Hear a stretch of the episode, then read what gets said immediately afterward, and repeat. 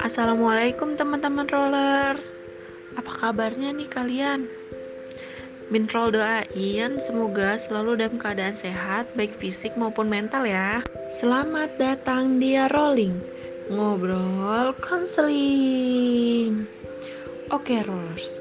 Kali ini akan ada obrolan yang seru Dengan tema dan guest yang spesial pada episode kali ini, Minrol nggak sendirian loh ada tamu yang akan nemenin Minrol.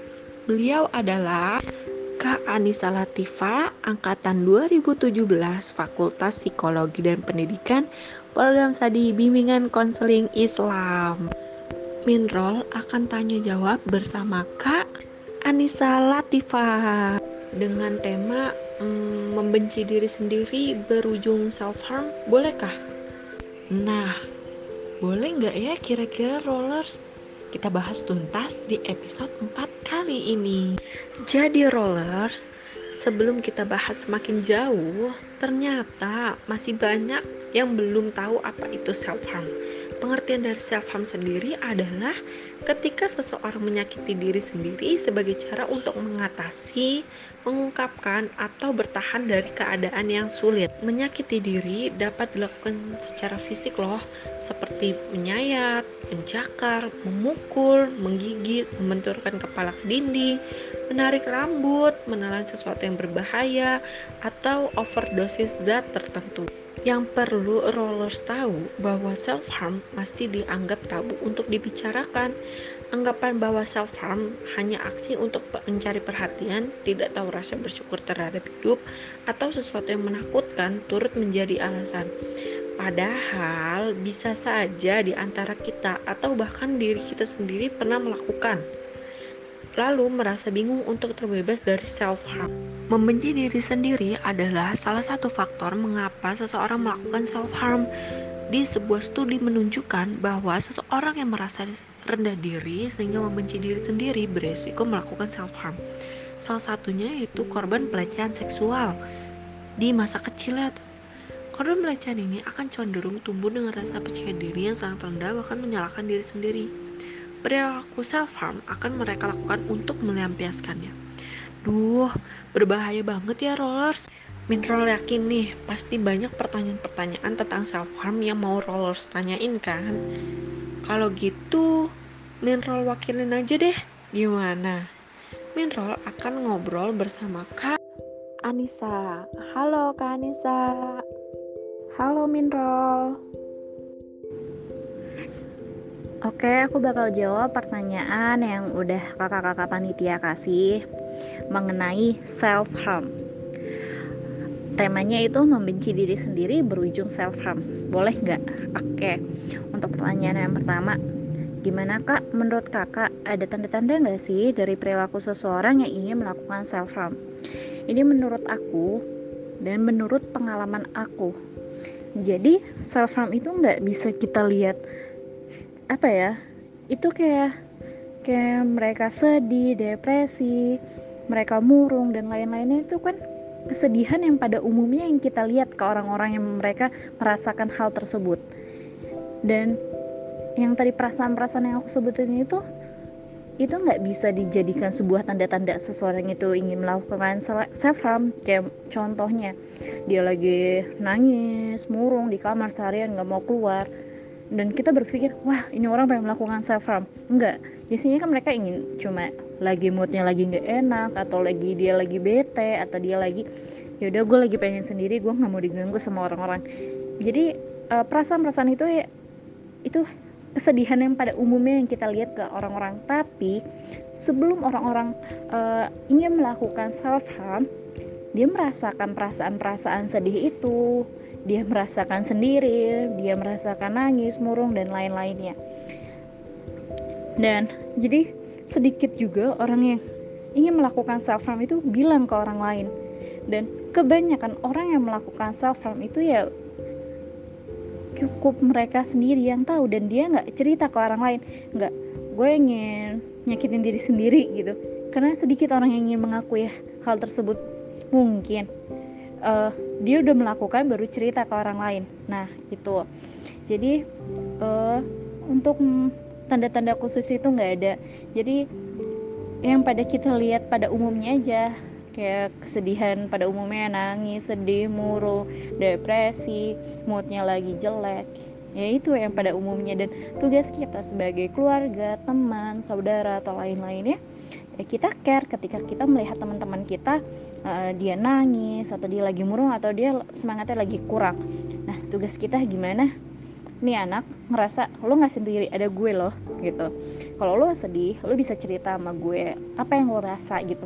Dan dan kita sebagai pendengar berusaha untuk menjaga rahasia dia menjaga perasaannya dia dari jawaban apa dari pertanyaan-pertanyaan atau keluhan-keluhan yang uh, dia ceritakan ke kita. Gimana uh, jawaban kita itu baik untuk dia Eh, nggak uh, menyinggung perasaannya dia. Kan contohnya ya gue sedih banget nih contohnya nih ya. Cowok gue kayak gini dia nggak ngehargain gue hmm, kayak gitu. Dan tiba-tiba kita jawab lagi sih pacaran. Lagi ngapain sih? Udah namanya juga cowok. Nah itu harus dihindari. Tapi bagaimana uh, jawaban kita itu uh, diterima dia. Udah jangan sedih. Nggak apa-apa kok. Mungkin dia lagi bla bla bla bla. Mungkin udah uh, mungkin kita juga bisa ajak dia keluar. Eh udah yuk kita keluar. Ini ini. Gimana kita menjadi pendengar yang baik. Jadi fasilitas uh, cerita dan keluh kesah ah teman kita itu yang baik.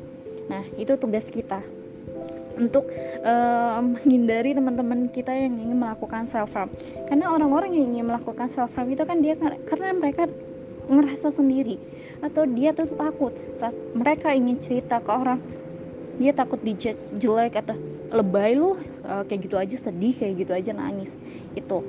Oke. Okay. uh, itu untuk pertanyaan nomor satu Oke, untuk pertanyaan yang kedua, bagaimana cara kita mengekspresikan emosi kita secara baik sehingga tidak berujung melakukan self harm dan bagaimana cara seseorang berhenti untuk melakukan self harm? Hmm, dari pengalaman aku, uh, oke, okay, uh, sedikit cerita, aku pengidap bipolar disorder.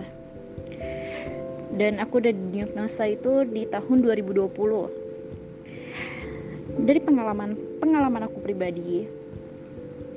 Jadi aku uh, saat lagi bete lagi ngamut lagi aduh kayaknya dunia lagi kenapa sih sama gue? Itu kayak yaudah gue uh, bolos kuliah tapi gue ikut kegiatan-kegiatan organisasi di luar kampus. Kayak ikut kegiatan sosial kayak kunjungan pasien-pasien ke rumah sakit atau ikut bagi-bagi makanan di jalanan. Dan itu menurut gue kayak self healing terbaik gue. Ketika gue ketemu mereka gue seneng gitu. Oh ada mereka loh gitu. Gue merasa mereka menghargai gue mereka sayang gitu. Ketika gue datang mereka nyambut gue dengan baik gitu. Dan apa namanya? Dan itu sih uh, cara mengekspresikan emosi kita secara baik. Jadi kita bertemu dan kumpul dengan orang-orang yang baik juga yang support sama diri kita sendiri. Dan uh, salah satu contohnya yang tadi disebutin ya ketemu orang-orang yang uh, lingkupnya positif dan kita bakal ikut positif juga. Jadi ketika pikiran-pikiran kita kacau pikiran-pikiran kita lagi pendek gitu pengen melakukan self harm jadi positif lagi gitu. Ternyata ada loh orang yang lagi sedih, lebih sedih eh, lebih uh, sedih daripada kita kenapa kita harus melakukan self harm? Nanti otak kita tuh bakal mikir sendiri. Jadi emang lama tapi otak kita lama-lama bakal mikir sendiri. Kalau itu self harm itu nggak baik loh gitu. Jadi ya untuk mengekspresikan emosi kita secara baik ya kita harus ketemu ketemu orang-orang yang baik. Salah satunya ya ikut ikut organisasi, organisasi kemanusiaan organisasi organisasi-organisasi keislaman atau lain-lainnya dan uh, lalu apa nih ya dan bagaimana cara seseorang berhenti untuk melakukan self harm tadi yang udah aku bahas di uh, sebelumnya ya kita harus uh, masuk ke lingkup orang-orang yang positif Oke, untuk pertanyaan yang ketiga, gimana menurut pandangan kakak terhadap self-harm? Kira-kira kalau misalnya orang di sekitar kita, entah teman kita, keluarga, saudara, siapa pun deh, orang yang kita kenal, melakukan self-harm, kita harus apa baiknya? Oke, untuk poin yang pertama, gimana menurut pandangan kakak terhadap self harm? Self harm itu aku akuin, it, walaupun aku pernah melakukan. Jadi dulu aku pernah melakukan itu di tahun 2016 dan di tahun 2020. Dan aku melakukannya tiga kali selama perjalanan hidupku ini.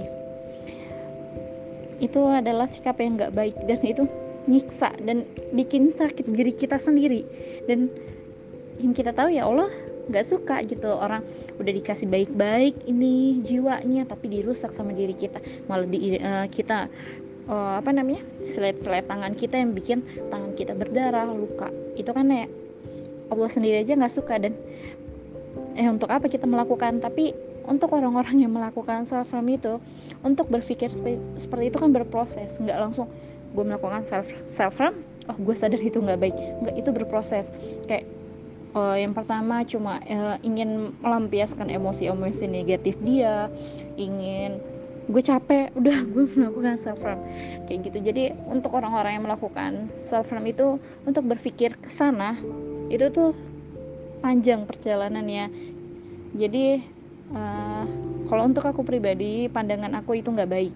Tapi kalau kita maksudnya melihat orang kayak gitu kita nggak bisa maksa orang uh, untuk berpikir positif yang tadi yang aku udah bilang. Karena itu semuanya berproses. Tapi tugas kita yang tadi kita ngerangkul kita nemenin dia biar mereka merasa oh ada loh ada kita gitu. Dia nggak sendiri kayak gitu.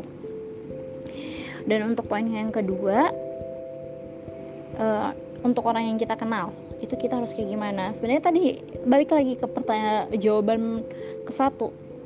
Kita rangkul kita temenin jangan menjatuhkan. Dan dia tuh bakal sadar dengan sendirinya. Asal dia ditemenin gitu. Jangan sampai dia berpikir sendiri. Yang ada dia makin mumet.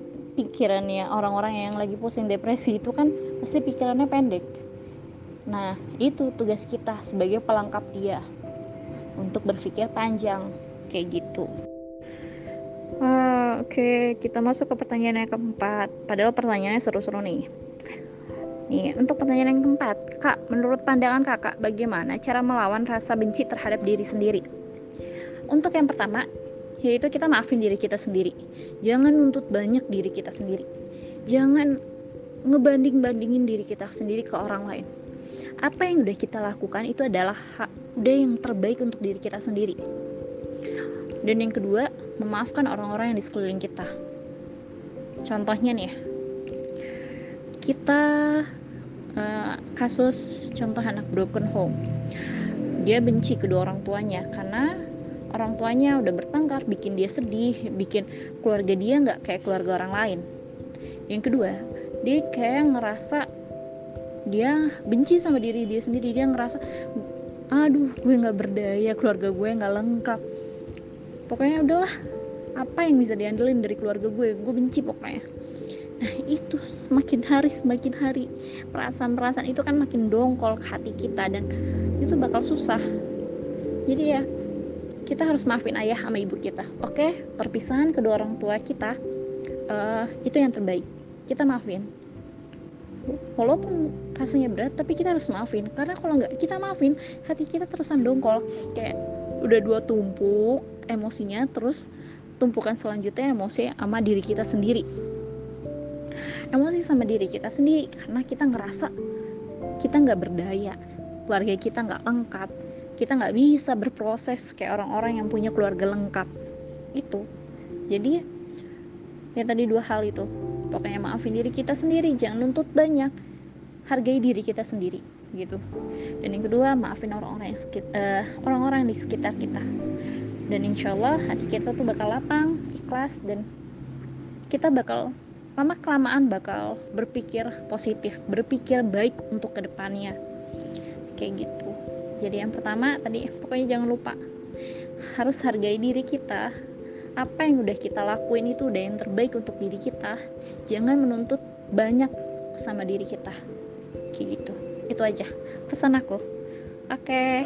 Terima kasih untuk kesempatannya Wah, Masya Allah, terima kasih banyak ya Kak Anissa sudah mau bergabung dan berbagi ilmunya untuk roller. Oke rollers, Minrol dan Kak Anissa pamit. Sampai bertemu di obrolan-obrolan selanjutnya. Mohon maaf jika ada kata-kata yang salah atau kurang tepat ya. See you, stay healthy, have a nice day, bye-bye.